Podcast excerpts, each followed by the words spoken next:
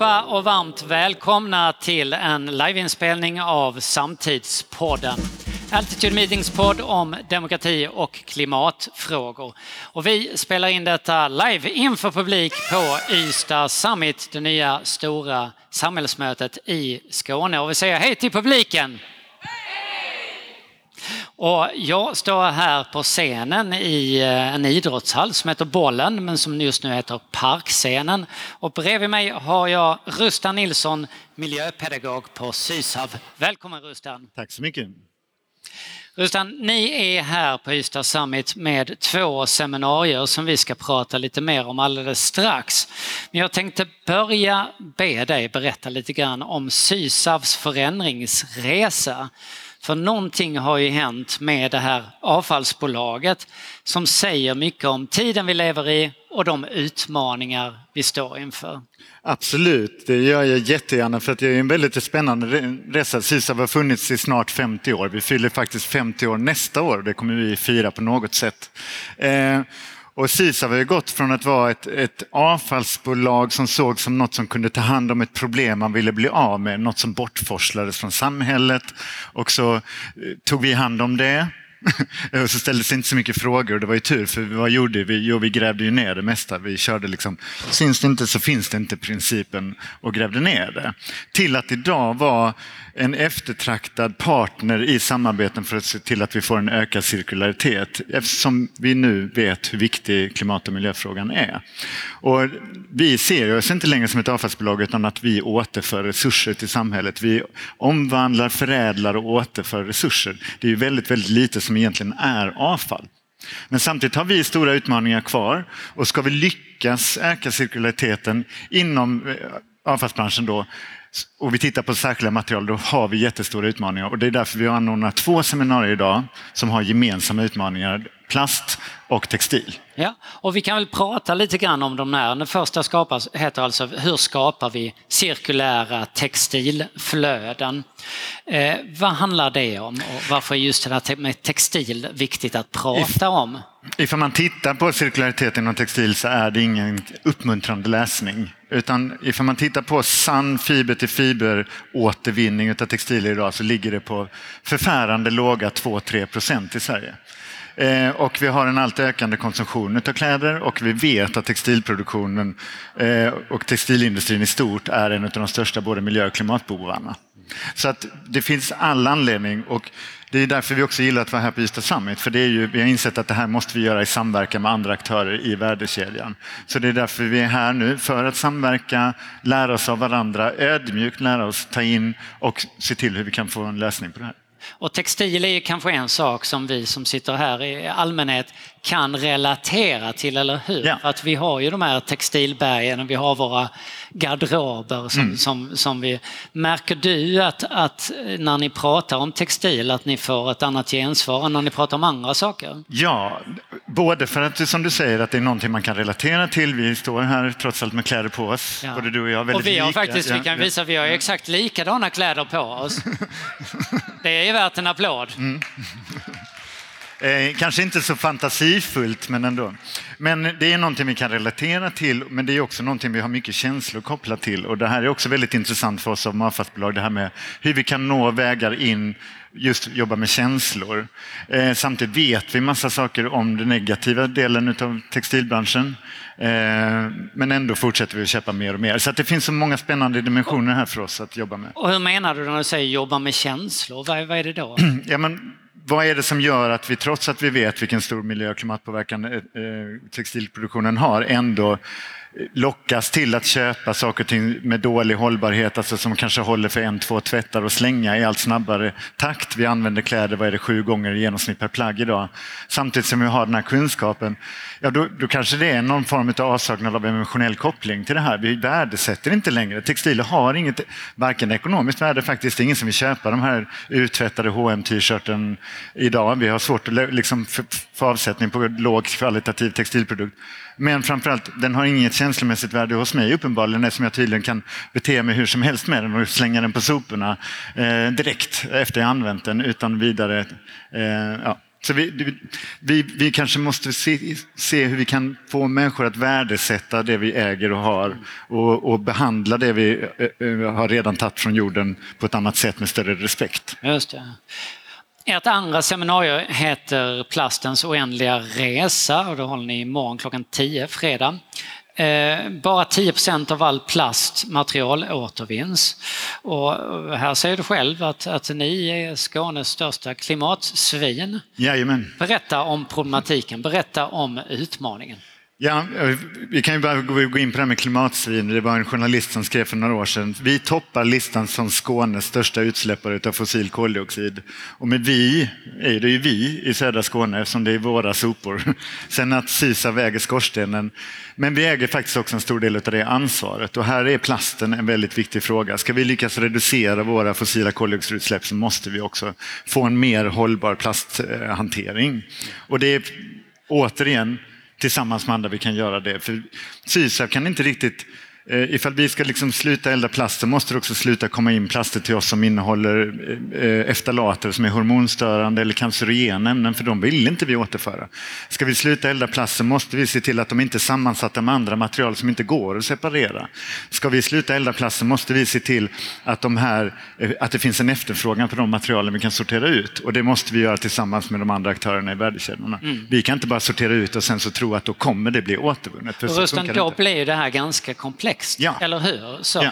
Vem behöver ta första steget om vi pratar med plast? Ja, alla såklart. Alla behöver ta steget ja, samtidigt? Ja, därför att det är en, det ska vi, en cirkularitet innefattar ju faktiskt en, en gemensam förflyttning i takt. Eh, sen kanske det är klart att vi måste gå före och det har vi ju gjort nu med textilierna till exempel. Vi såg att det saknades en pusselbit i den textila värdekedjan och vi byggde Siptex innan det faktiskt kanske finns en marknad, vilket man alla som har läst någon form av ekonomi vet att man ska, kan inte uppfinna marknader egentligen, det måste finnas en efterfrågan. Men i det här fallet var det så uppenbart att någon var tvungen att gå först och då gjorde vi det. Sen har vi tagit en stor risk med det, men vi hade den unika och fantastiska situationen att kunna göra det. Eh, och då gjorde vi det.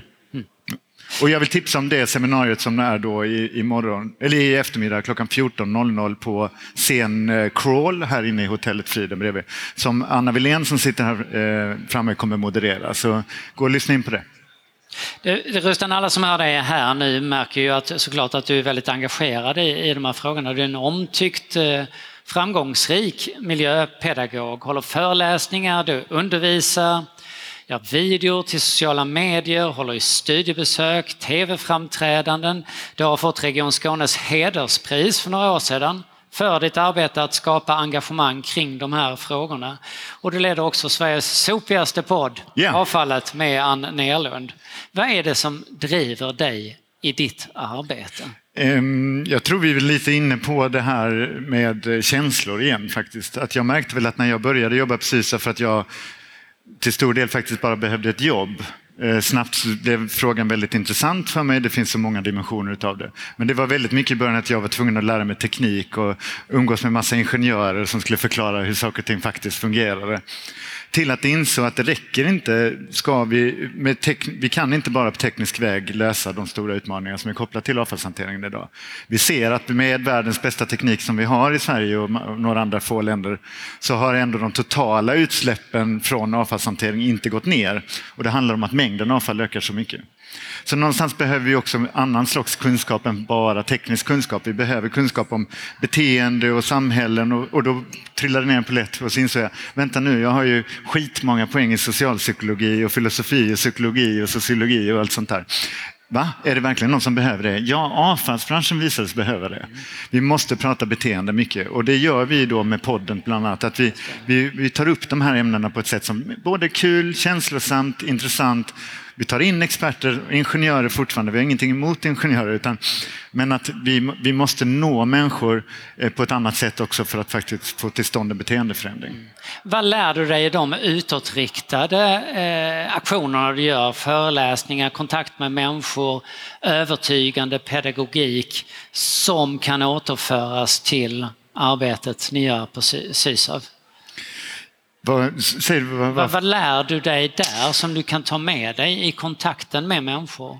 Ja, alltså jag lär ju mig otroligt mycket hela tiden med mitt arbete och det är svårt att, sätta fingret på, på, den frågan för den är ganska stor egentligen. Men, men det jag tycker är väl tydligast är väl att när vi, i takt med att jag har gjort det här nu i 14 år och har mött, möter tusentals människor varje år face to face och har diskussioner, så är det ju uppenbart att intresset för frågan är väldigt, väldigt stort. And.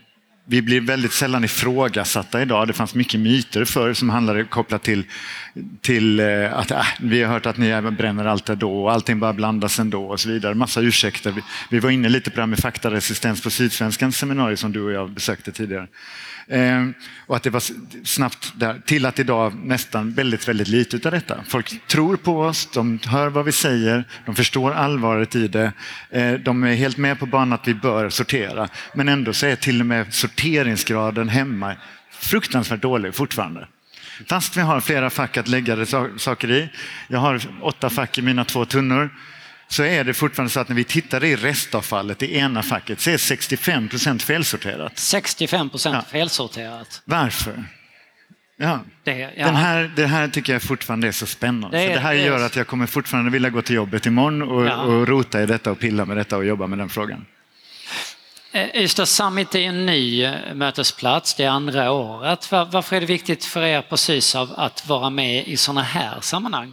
Det är tillbaka till det vi sa inledningsvis om de här materialen. Ska vi öka cirkulariteten så måste vi göra det i samverkan.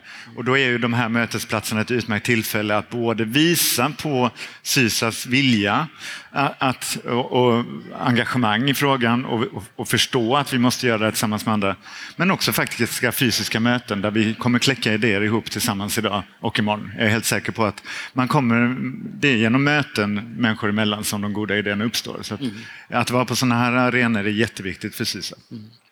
Sen är det så att som människor så behöver vi ju lite råd och vi behöver lite tips eh, och det är en komplex värld vi lever i. Om vi som är här och de som lyssnar ska ändra någonting i sitt beteende som har med avfall och återvinning att göra, som gör den här planeten lite bättre, Rustam, vad är det vi ska göra då? Ja, men det är, vi har ju en liten käpphäst eller modell som faktiskt också är lagstiftning som vi måste följa men som heter avfallshierarkin som är olika steg hur avfall ska behandlas. Och jag tycker att man kan återföra den på sig själv. Och det översta steget i den är, det handlar om, om avfallsminimering. Minska dina mängden sopor för det är där du gör störst nytta. Och det handlar inte om vad du lägger i tunnan därför att när jag slänger min mobiltelefon som väger 150 gram ifall jag reparerar den här istället eller tar hand om den, sätter ett bra skyddsglas och förlänger livet ett helt år, så handlar det inte om de 150 grammen i min tunna här i Sverige, där den faktiskt också blir återvunnen.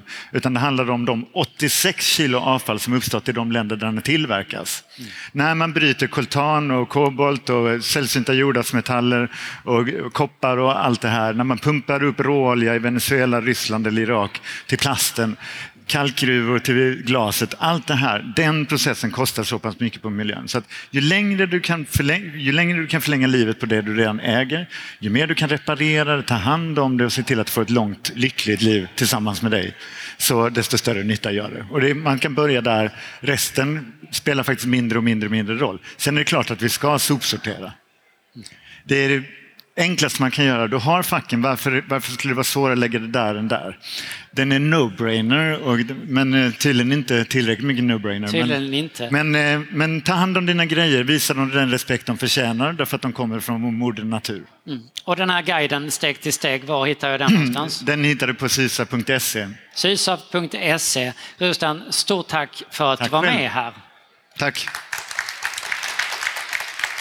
Och ni har hört en inspelning från Ystad Summit med Rustan Nilsson från Sysav. Samtidspodden produceras av Altitude Meetings och vill ni veta mer om oss så kika in på altitudemeetings.se. Tack för att ni tittat och lyssnat.